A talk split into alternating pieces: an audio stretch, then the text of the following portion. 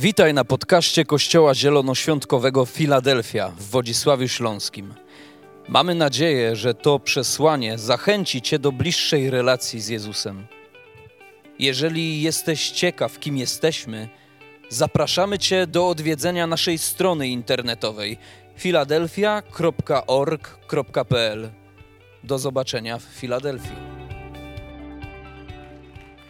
Pięknie nam się to wszystko tu układa kontekście ostatniego, e, ostatniego dzisiaj nauczania z cyklu Ratuj moje serce. Wiecie, ja od razu się usprawiedliwię.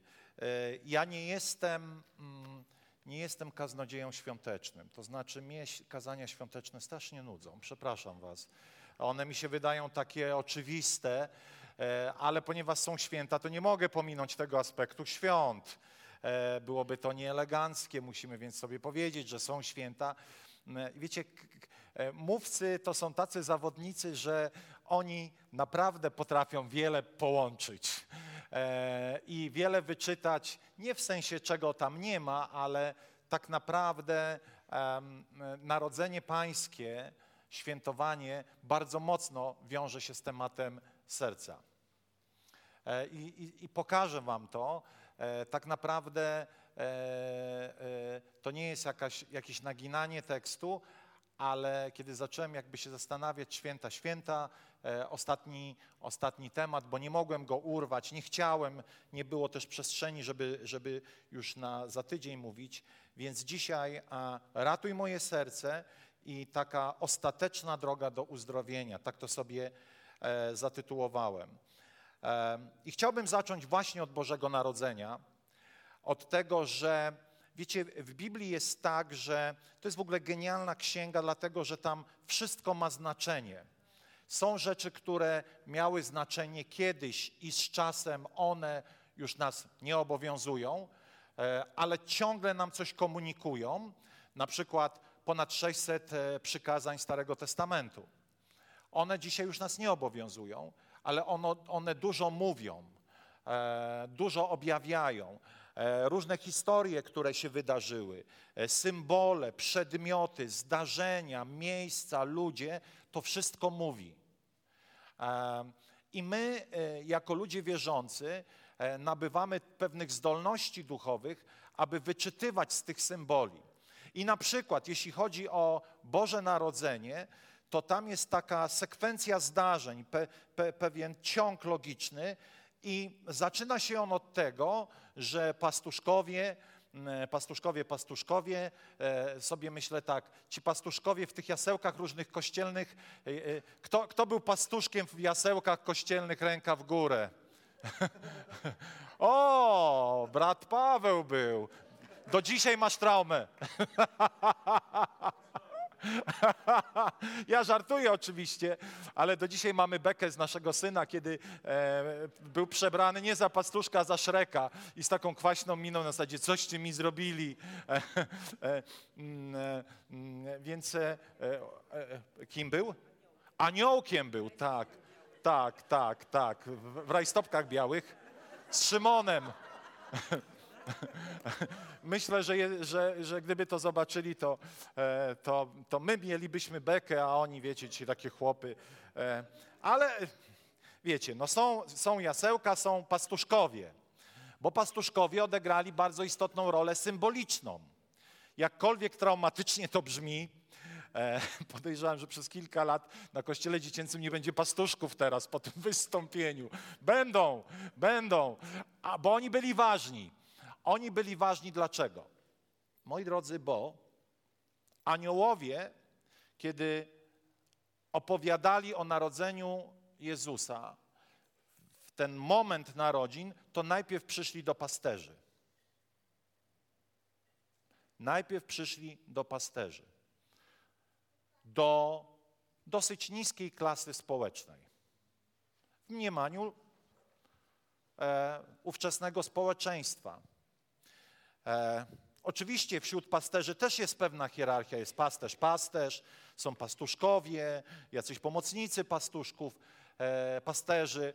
Aczkolwiek przekaz był taki, że ci prości ludzie byli pierwszymi, którzy usłyszeli o tym, że Jezus się rodzi i pierwszymi, którzy tą wiadomość, czyli Ewangelię o narodzeniu Jezusa Chrystusa, mogli zanieść. Ale to jest jedna część, to jest jakby jedno ramię. Co, co to mówi? Ano to mówi, że Bóg przychodzi do prostych ludzi. Jesteście ze mną? Że nieważne jak niski jest Twój status społeczny, materialny, czy jest, jak nisko jesteś wyedukowany, choć zawsze powiem, fajnie jest się uczyć, to jednak Bóg łamie pewien stereotyp. Pamiętajcie, do tego czasu była świątynia, była, byli arcykapłani, um, różne służby wokół świątyny, to znaczy świątynia jeszcze trwała, i nagle Pan Bóg objawia się pastuszkom, czyli obchodzi cały system religijny, żeby dojść do zwykłych ludzi. Ale ktoś mógłby tą prawdę tylko zawęzić do tego miejsca. Ale mamy drugie zdarzenie, kiedy przychodzi trzech mędrców. Nie takich dzisiaj mędrców, wiecie, e, doktorantów z Politechniki, którzy ledwo wiążą koniec z końcem i dostają te trzy tysiące złotych czy cztery i tam się doktoryzują i ledwo żyją w tych wyciąganych swetrach, wiecie, starych dżinsach, bo niestety nauka ciągle jest niedoszacowana, ciągle nie cenimy. Ja mam nadzieję, że wy to rozumiecie, że największy potencjał to jest, to jest mądrość. To jest mądrość. I często niestety w Polsce jakby e, cierpimy z powodu takiego syndromu, syndromu komunistycznego, że jak przerzucił 10 ton węgla, to się narobił, ale jak napisał pracę naukową, to on przecież tylko na komputerze klepał. No, tak, tak często bywa. No co to pastor tylko kazanie, co to kazanie, nie? Co to kazanie? Przecież to siedział, coś tam wklepał, ale jak ci życie to kazanie uratowało, to powiedz mi, czy jest coś cenniejszego, prawda? E, a więc po drugiej stronie są mędrcy i ci mędrcy to nie byli polscy mędrcy, tylko to byli bogaci ludzie. Mądrzy i bogaci. Dlaczego?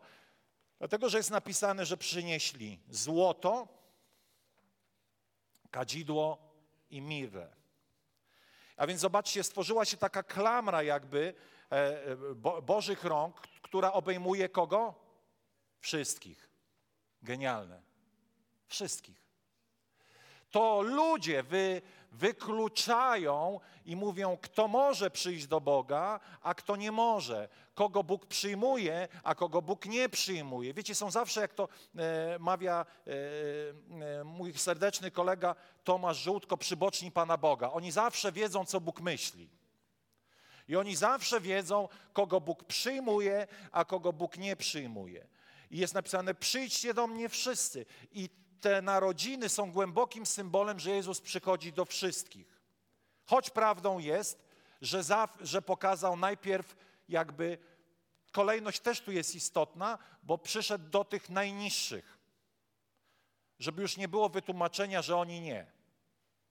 Że, wiecie, powiedział, to tak jak często prezydent jakiegoś kraju mm, e, po wyborach e, decyduje, do jakiego kraju przyjedzie najpierw bo to pokazuje jakby tą, tą, to znaczenie te, te, tego drugiego kraju. I tak samo tutaj, oto, oto to objawienie pierwsze przychodzi do tych najniżej usytuowanych.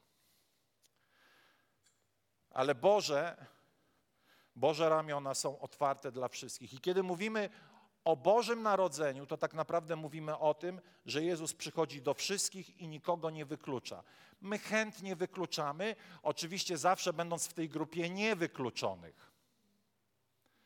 E, a więc rozciągajmy swoje myślenie. Przynieśli złoto. Dlaczego przynieśli złoto? Bo Pan Bóg wiedział, że za jakiś czas Jezus będzie musiał uciekać i potrzebuje pieniądze. Serio. Naprawdę. Zabezpieczył ich podróż do Egiptu. Czyli zobaczcie, Ojciec w niebie wysłał mędrców, żeby zasponsorowali ich ucieczkę do Egiptu. Jakie to jest niesamowite, jaki Bóg Ojciec jest troskliwy i praktyczny. ale złoto jest też symbolem godności królewskiej. Czyli przynosząc mędrcy, nie królowie, bo to nie byli trzej królowie, tylko mędrcy, przynosząc złoto, pokazali mu: Ty jesteś królem. Przynieśli mu kadzidło, ponieważ chcieli powiedzieć: Ty jesteś Bogiem, dlatego że kadzidło jest symbolem modlitw, jest symbolem uwielbienia, tej boskiej czci. A więc jesteś królem, ale jesteś królem Bogiem. I po trzecie, mira, która e, jest pachnidłem, jest kosmetykiem, e, jest to ponoć roślina z, z typu gorzkich, oznacza ludzką stronę e, przyjścia Jezusa, Jego ziemskość, może Jego człowieczeństwo i Jego ofiarę na krzyżu. A więc zobaczcie, przychodzą mędrcy, oddają Mu pokłon i mówią, jesteś królem, jesteś Bogiem, który przyszedł w ciele i pewnego dnia zostanie złożony za nas w ofierze. E, moi drodzy, kiedy Jezus zaczyna jakby poprzez pierwsze swoje wystąpienie w synagodze definiować swoją misję, powód, dla którego przyszedł na ziemię, to jedną z rzeczy, o której mówi Izajasz, jest napisane, oto 61 rozdział e, Księgi Izajasza mówi tak. Duch Pana Wszechmocnego, Pana nade mną, oto Jezus czyta to w świątyni i mówi, to jest o mnie. To jest o mnie. Jakbyście nie wiedzieli, to to jest o mnie. Duch Wszechmocnego Pana nade mną, gdyż Pan namaścił mnie, abym ogłosił dobrą wieść ubogim, posłał mnie, abym opatrzył tych, których serca są złamane. Wow! Jezus mówi: Przyszedłem z dobrą nowiną i przyszedłem także, mówiąc tak po ludzku, uleczyć wasze wszystkie poranione serca. Ja narodziłem się, aby zająć się waszym, Twoim i moim sercem.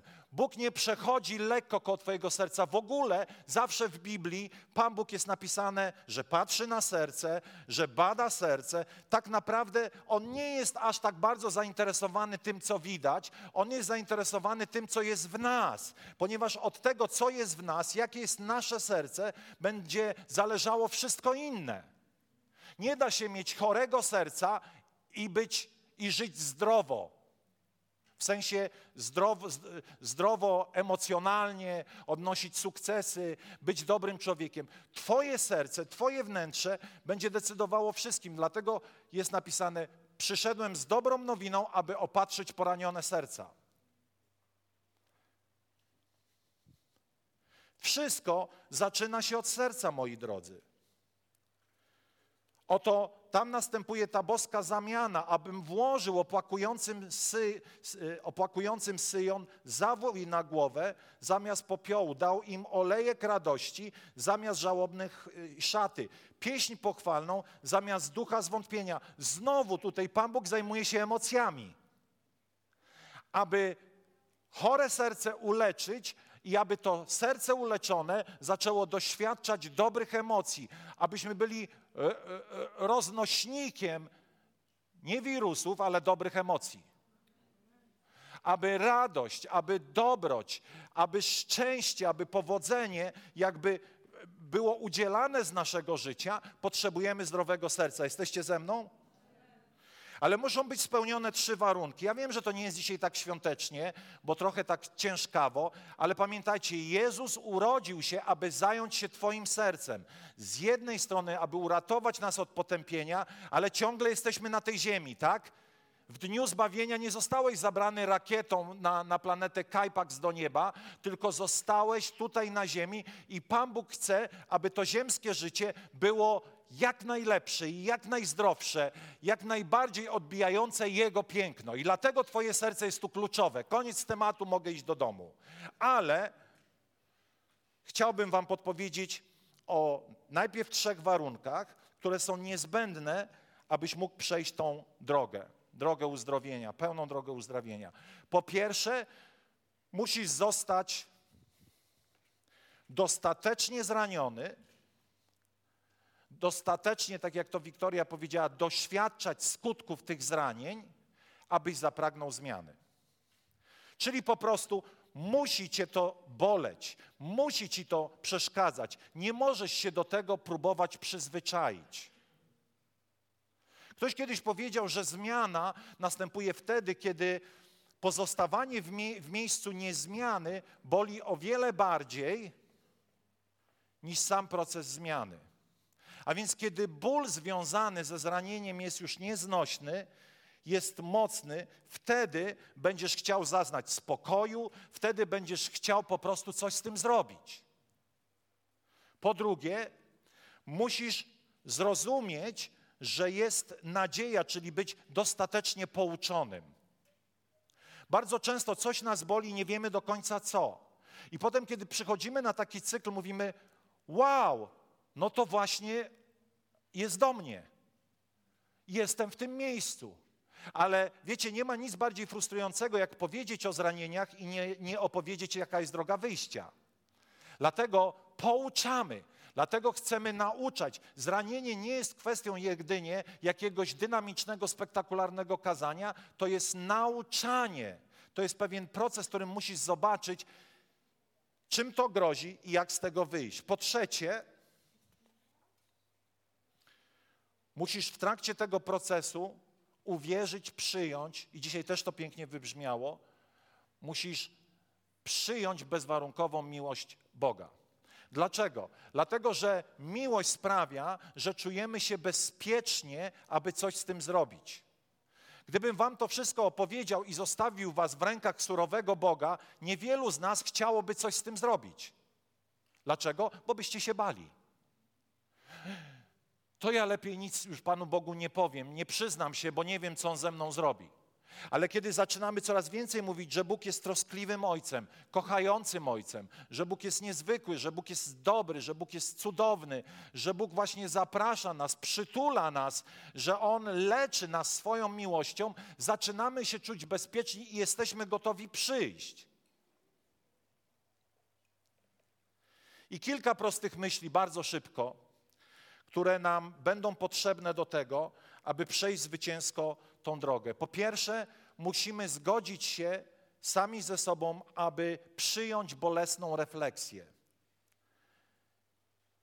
Po prostu przyznać się, że mamy problem. Ktoś kiedyś powiedział, że ludzie dzielą się na tych, którzy mówią, że mają problem, i na tych, którzy kłamią. I to jest prawda.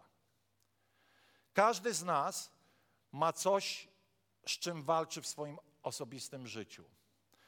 Jakąś ranę, jakąś bolesność, jakąś traumę, dużą albo mniejszą. Coś, co wręcz boisz się o tym pomyśleć, bo to, bo to ciągle w tobie żyje.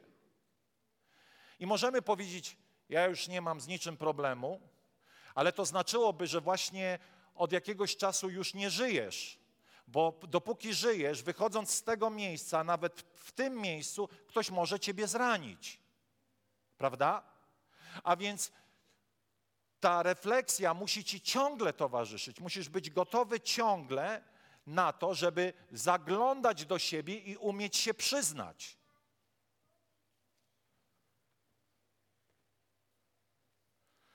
Ludzie, którzy mówią, że nie mają z tym problemu, to tak naprawdę ukrywają się w religijnej pysze, to tak naprawdę też zrzucają na innych problem. Ja nie mam z tym problemu, to ty masz z tym problem. E, często obwiniają ludzi za swoje porażki, e, często e, obwiniają ludzi za swoje zranienia, ludzie mnie ranią, ale prawda jest taka, że my wszyscy ranimy. Że my jesteśmy zranieni i ranimy innych, i dlatego Potrzebujemy Chrystusa, aby On ten proces uzdrowienia przeprowadził kompletnie, a zaczyna się od tego, że powiesz tak, mam problem. Mam problem. Oto w objawieniu Jana jest napisane, ponieważ mówisz, jestem bogaty i wzbogaciłem się i niczego nie potrzebuję. Czyli zobaczcie, Pan Jezus zarzuca jednemu z kościołów, że ten kościół mówi, ja, mi nic nie trzeba, ja jestem okej. Okay. Wiecie, kiedy czasami jest tak, że zostaliśmy zranieni i ktoś mówi, ja wiem też, też to po sobie, wiele lat to praktykowałem. Słuchaj, czy, czy wszystko jest ok? A my co mówimy? Tak, jest ok. Kłamiemy. Chcemy, żeby ludzie nas postrzegali jako silnych. Prawda? O, ja daję sobie radę. Tak, nagadałeś mi, ale wiesz, luz. I w pewnym momencie, a jeszcze do tego wiecie, kiedy jest się pastorem, to ludzie myślą, że ty jesteś terminatorem. Że żadne słowo cię nie rani, że właściwie tak, o, wstałeś, wiesz, jak, jak ten z jedynki z Terminatora, odbudowałeś się, idziesz dalej, tak? Nie. My wszyscy jesteśmy ludźmi z pewną wrażliwością. I teraz, wiecie, w pewnym momencie mówię, ale dlaczego ja kłamię? Dlaczego ja nie mówię o swoich emocjach? Bo, bo co, bo chcę dobrze wypaść? Bo, bo wstydzę się, że jestem wrażliwy? Bo wstydzę się, że jestem w środku e, takim po prostu areczkiem, arunią, arusiem. Tak, jestem. Wiem, że nie wyglądam, ale jestem.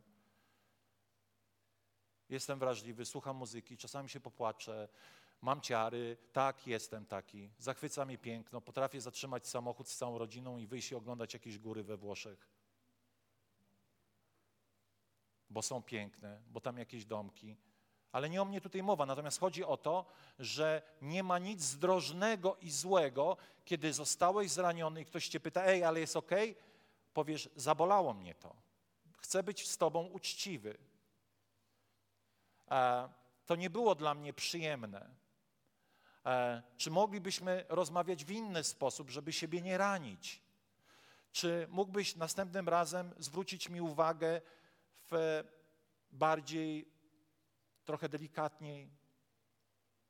I czujesz wtedy, że ty jakby wracasz do pewnego wewnętrznego, wewnętrznej harmonii, że wyraziłeś to. A kiedy mówisz, nie ma problemu, nic mi nie trzeba, to jesteś tak jak ten kościół z objawienia Jana. Nie wstydź się tego. Ale po drugie, nie pozwól, aby w Twoim życiu rozrastał się ko korzeń goryczy. Musisz się przyznać sam przed sobą czasami, że jesteś zgorzkniały. Czym jest gorycz? Gorycz przejawia się w tym, sobie tu dobrze napisałem, że to jest stan ciągłego rozczarowania, narzekania, czarnowictwa, katastrofy, defetyzmu, czyli wiary w porażkę. Ludzie zgorzkniali ciągle ględzą. Wiecie, nie byłoby to jeszcze takie złe, gdyby to e, jakby przynosiło szkodę tylko tobie, ale list do Hebrajczyków mówi, że, że gorycz, e, Twoja gorycz zaraża innych goryczą. Oto jest napisane w liście do Hebrajczyków, aby, aby w tobie nie wyrósł korzeń goryczy, przez który zanieczyści się, mówiąc językiem współczesnym, wielu ludzi. Właśnie te słowa wypowiadane. I wiecie, to nie o to chodzi, że właśnie, żeby udawać, że jak jest beznadziejnie, to, to super, super, super. Ja nie o tym mówię. Ja mówię o tym, że ględzenie, gorycz już tak w ciebie wrosła, że ty już nawet tego nie rozpoznajesz, tylko dziwisz się, dlaczego nie masz znajomych. Kto chce przebywać z ględą? Wiecie, tak jak mówię, jeszcze może by się to dało zrobić, ale pół godziny z ględą to jest po prostu dzień wycięty. On dla niego wszystko jest do bani, wszyscy ludzie są beznadziejni, wszystko jest po prostu takie nijakie, w ogóle katastrofa. A kiedy jesteś człowiekiem, który roz, roznosi to, to, tą atmosferę królestwa, dobroci, nadziei, miłości, to się od ludzi nie możesz opędzić.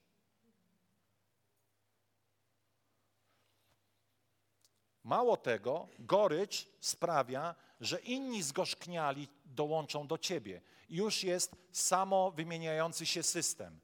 Ty chcesz się wyrwać z goryczy może, ale ponieważ masz tylko zgorzkniałych ludzi, to oni cię z powrotem tą goryczą e, e, e, zamordują. I tak system się kręci. Już chciałeś z tego wyjść, ale nie wyszedłeś, bo z powrotem zostałeś sprowadzony w dół. Gorycz jest zaraźliwa, destrukcyjna, nie tylko niszczy moją duszę, ale niszczy serca innych ludzi. Gorycz karmi się goryczą. Ludzie zgorzkniali potrzebują innych zgorzkniałych, bo to potwierdza ich, a, bo to potwierdza ich, że, że mają prawo być zgorzkniali. Proszę? Utwierdza, dziękuję Angelko. Trzecia myśl, wybaczaj szybko. Wiecie, znowu, to co słyszeliśmy tutaj, kiedy nie wybaczasz szybko, to ta uraza w ciebie wrasta. Ona jest, e, staje się goryczą, rozrasta się w tobie, ty o niej nie pamiętasz, ale w sytuacji, która kojarzy się ci z tym zdarzeniem, ona się odzywa. To jest po pierwsze, czyli ktoś cię zranił, jakoś żyjesz do momentu, na przykład dopóki nie spotkasz tej osoby i, i, i wtedy unikacie kontaktu, albo udajesz, że jej nie widzisz, albo coś tam, albo coś tam. To jest efekt nieprzebaczenia.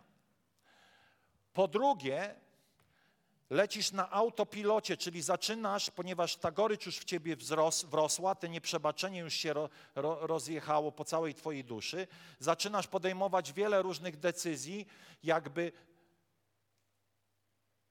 które źródła swoje czerpią z tego nieprzebaczenia. Na przykład coraz łatwiej ci nie przebaczać innych historii. Więc musisz przebaczać szybko. Zobaczcie, list do mówi, gniewajcie się, lecz nie grzeszcie, niech słońce nie zachodzi nad waszym gniewem i nie dawajcie diabłu przystępu. Zobaczcie, zagniewanie jest drzwiami, wrotami do diabelskiego wpływu. Jeśli zastanawiasz się,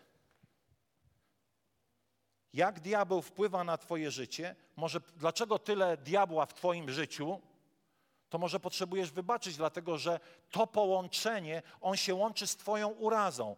I ta uraza to są otwarte bramy Twojego serca, przez które przeciwnik wpływa na Twoje życie. I będzie wpływał, będzie niszczył Twoje życie, będzie zarażał Twoim negatywizmem, Twoją goryczą Twoich bliskich, będzie plądrował i niszczył Twoje relacje, Twoje pieniądze, e, Twoją pracę zawodową wszystko pewnego dnia zostanie dosięgnięte przez te otwarte bramy.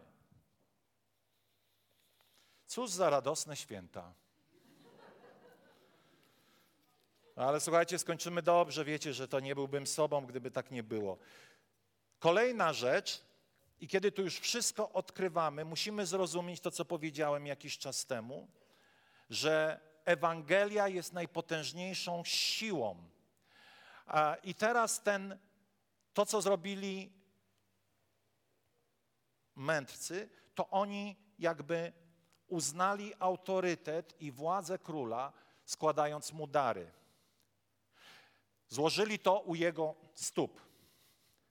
Dzisiaj ty możesz u jego stóp nie tyle złożyć dar, co problem. Na czym to polega? Że wypuszczasz ze swoich dłoni chęć samemu rozprawienia się z tym i kontroli tego zdarzenia. Nie jesteś w stanie tego kontrolować. Nie jesteś w stanie tego sam wygrać. Czasami złożenie u stóp Jezusa jest po prostu wypuszczeniem z rąk kontroli danej rzeczy. Czasami Bóg mówi: zrób to, a czasami Bóg mówi: oddaj to. I teraz często mylimy. Bóg mówi: oddaj to, a my myślimy: zrób to. Wiecie, po to on przyszedł, aby opatrzyć serca tych, które są, opatrzyć zranione serca. Czytaliśmy na, na wstępie, tak? Jesteście ze mną? Czyli oddaj mi to, bo po to tu przyszedłem. Nie przyszedłem dla jaj. Nie przyszedłem żeby były święta. Fajnie jest mieć święta. W ogóle super, że są święta. Ale tak naprawdę znowu to, co słyszeliśmy dzisiaj, tu chodzi o coś więcej. Chcę, abyś przyniósł te zranione serce, wypuścił chęć samonaprawiania i po prostu powiedział: Panie, przynoszę ci to. To mnie zabija. Ja nie jestem w stanie już ciągle e, unikać tych emocji. Ja potrzebuję powiedzieć: Tak, mam złe serce. Ono jest poranione. Wiecie, i to jest najtrudniejsze przyjść do Boga i powiedzieć: Mam złe serce. Przez moje rany, przez moje historie jestem człowiekiem o złym sercu. Ale Bóg to przecież wie, tylko ty często sam przed sobą tworzysz pewien teatr, co nie pozwala złożyć tego u Jego stóp. Albo składamy do następnej okazji, żeby to kontrolować. Czyli złożyłem i zabrałem. Robicie tak często, ja tak robię.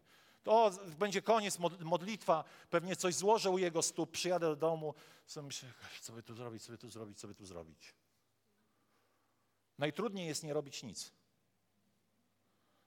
Najtrudniej jest nie robić nic, bo nam się wydaje, że powinniśmy coś zrobić. To, co powinieneś zrobić, to złożyć to u jego stóp dzisiaj. Czyli mentalnie uznać, że on ma patent na ten problem. Tak, może będzie jakaś sytuacja, w której będziesz musiał w tym procesie coś zrobić. Może ktoś się pojawi właśnie, kogo trzeba będzie przeprosić albo, albo, albo wybaczyć. Może spotkasz go w drzwiach wychodząc z kościoła. Być może tak być, ale wtedy rozpoznasz, że tą sytuację zaaranżował sam Duch Święty. To jest fajne. Kołujemy do rzeczy e, świątecznych. Módl się i oczekuj, że Bóg zwróci ci wszystkie lata, jakie zjadła szarańcza Twojego nieprzebaczenia. Wiecie, że to jest zasada biblijna? Brawo! Ja, wiecie, pamiętam, pamiętam jak przez różne sytuacje coś traciłem, kościół tracił, ktoś odszedł, ktoś przyszedł i, i był taki moment, kiedy, kiedy wiecie co, myślę, ojejku, jejku, jejku, znowu strata, znowu strata, był duży zespół, zespołu nie ma, bo powyjeżdżali, bo na studia i tak dalej. To nie, że zespołu podchodzili ludzie, ale pamiętam, Paweł aż z Katowic przyjeżdżał grać, pamiętasz? Bo nie było komu grać. Dzisiaj mamy z trzy składy, tak? Beata trzy? By były trzy składy. I pamiętam rozmowę z pastorem Tomaszem Kmiecikiem. Wiecie, jedna rozmowa może zmienić twoje życie. A mówi, a dlaczego nie modlisz się o zwrot? Mówi, po pierwsze módl się o to, żebyś to, co zasiałeś, abyś zebrał wielokrotnie więcej, no bo przecież oddawaliśmy muzyków do, do, do Rybnika, do Krakowa. E, nie mieliśmy tych ludzi, niektórzy wy, wyjechali i, i mówi, módl się o, o plon. A po drugie, tam gdzie przeciwnik zabrał, oczekuj, że ci to zwróci wielokrotnie więcej. Mówię, wow, faktycznie. I kiedy przychodziły takie momenty trudne, mówię: Panie, myśmy zasiali tych ludzi. Myśmy zasiali ludzi w Katowicach, myśmy zasiali ludzi w Rybniku, myśmy zasiali e, braci i siostry w Niewiadomiu, myśmy zasiali tu, tu, tu, wyjechali do Krakowa zakładać kościół, myśmy do, w Poznaniu zasialiśmy ludzi, życie, pieniądze, czas. Mówię, oczekuję plonu i wy jesteście tym plonem. Pamiętam, jak Miecia zapłakała jak nie wiadom, poszedł, rybnik poszedł, staliśmy tutaj, mówi, ale mi jakoś tak smutno. Wiecie, kiedy była pełna sala, zostało 70 ludzi na sali. I mówię, dobrze, zasialiśmy, teraz zbieramy plon tu na miejscu. A potem zacząłem modlić się o, o, o, inne rzeczy, które diabeł chciał zabrać. I mówię, zwrócisz mi to. I teraz to jest apel do ciebie. Okej, okay, byłeś zraniony, dużo się popsuło, zostały relacje może zepsute, nie ma znajomych, nikt cię nie kocha, nikt cię nie lubi. Módl się, abyś zebrał teraz po prostu to, co diabeł chciał ci ukraść albo ci ukradł. On to wziął nieprawomocnie. Wiesz dlaczego? Dlatego, że od momentu, kiedy uczyniłeś Jezusa swoim Panem, to twoje życie i, twoje, i prawo własności do twojego życia przeniosłeś na Króla Królów. Tak jak ci mędrcy złożyli jakby uznali autorytet, boski autorytet Jezusa i królewski autorytet Jezusa, tak my od momentu nawrócenia jesteśmy własnością Pana. I wszelkie, wszelkie rzeczy, ludzie, zdarzenia, które zostały nam skradzione, masz prawo od momentu, kiedy wybaczyłeś, odzyskać. Nie odzyskasz czasu, ale odzyskasz to, co diabeł próbował ukraść. Oto jest napisane: I wynagrodzę wam straty lat, których plony pożarła szarańcza, konik polny, gąsienica i śnieć. Nie wiem, co to jest śnieć. Moje wielkie wojsko, które wyprawiłem na was.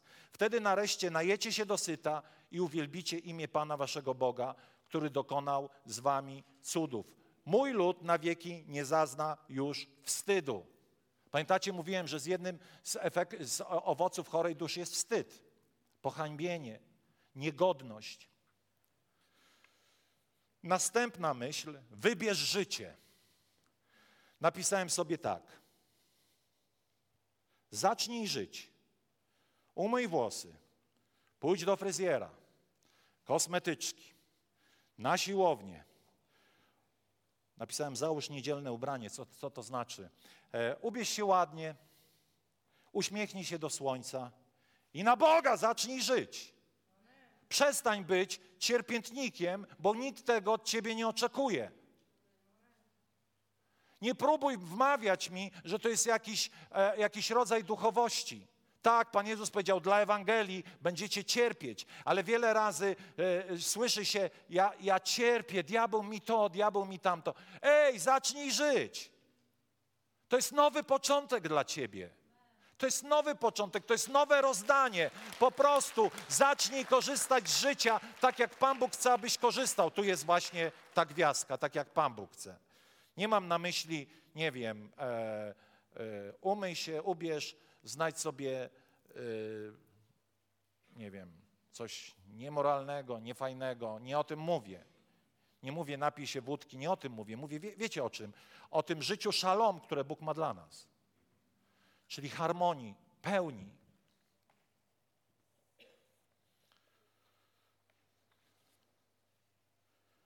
Oto zawsze, kiedy czytamy o zmianie, graj, Gosiu, graj. To tak sympatii, wiesz o tym. Kiedy zawsze widzimy ten moment przełomu, kiedy Bóg zmienia los narodu wybranego, zmienia los człowieka, to zawsze jest napisane, że smutek zamienia w radość.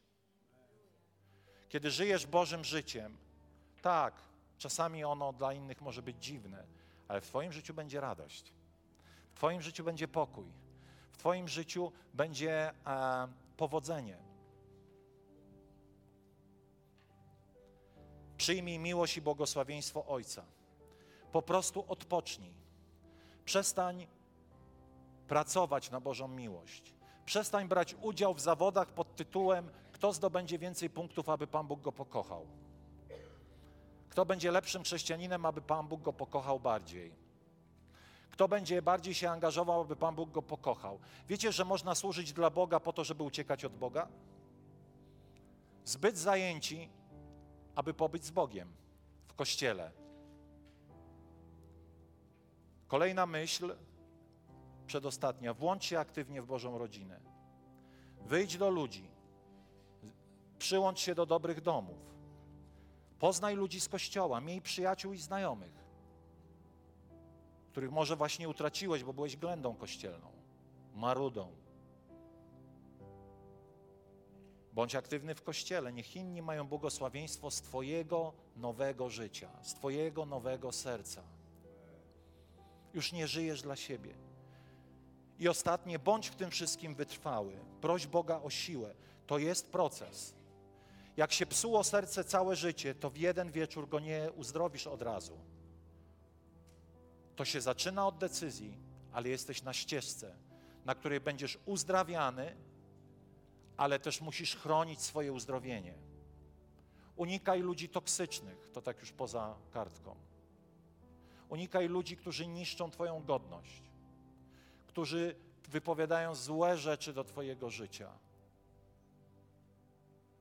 A gdy to się stało, wybaczaj, wybaczaj, wybaczaj, ale bądź wytrwały w tym procesie.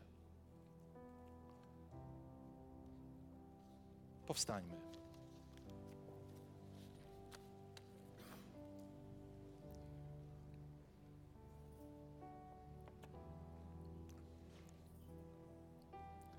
Bardzo krótko, krótka modlitwa. Jeśli będziesz potrzebował jeszcze w tym obszarze, na, są dzisiaj pastorzy modlitwy? Są. To tutaj po, po będziesz mógł jeszcze przyjść. Ale ja bym chciał się pomodlić o to, żebyśmy, a każdy z nas, tak jak mówi jeden z proroków, otrzymali nowe serce. Aby to serce kamienne z powodu uraz, nieprzebaczenia, odrzucenia, aby ono zaczęło żyć nowym życiem, aby stało się mięsiste. Ojcze, modlimy się o nowe serce każdego z nas. Ojcze, dzisiaj przyjmujemy w taki proroczy sposób, że potrzebujemy nowych serc, że ja go potrzebuję, że Twój lud go potrzebuje, tu na miejscu i ci, którzy są z nami online. Stwórz we mnie serce czyste. Odnów we mnie ducha prawego. Panie, niech moje serce będzie miękkie, czyste, kochające, dobre, troskliwe, takie mięciutkie. Panie, abym był znany z miłości, nie z proroctw, nie ze służby, nie z Filadelfii, ale z miłości. Panie, o to się modlę w swoim osobistym życiu. Panie, niech to serce bije pełnią zdrowia na Twoją chwałę i na powodzenie Twojego ludu. Amen. Amen.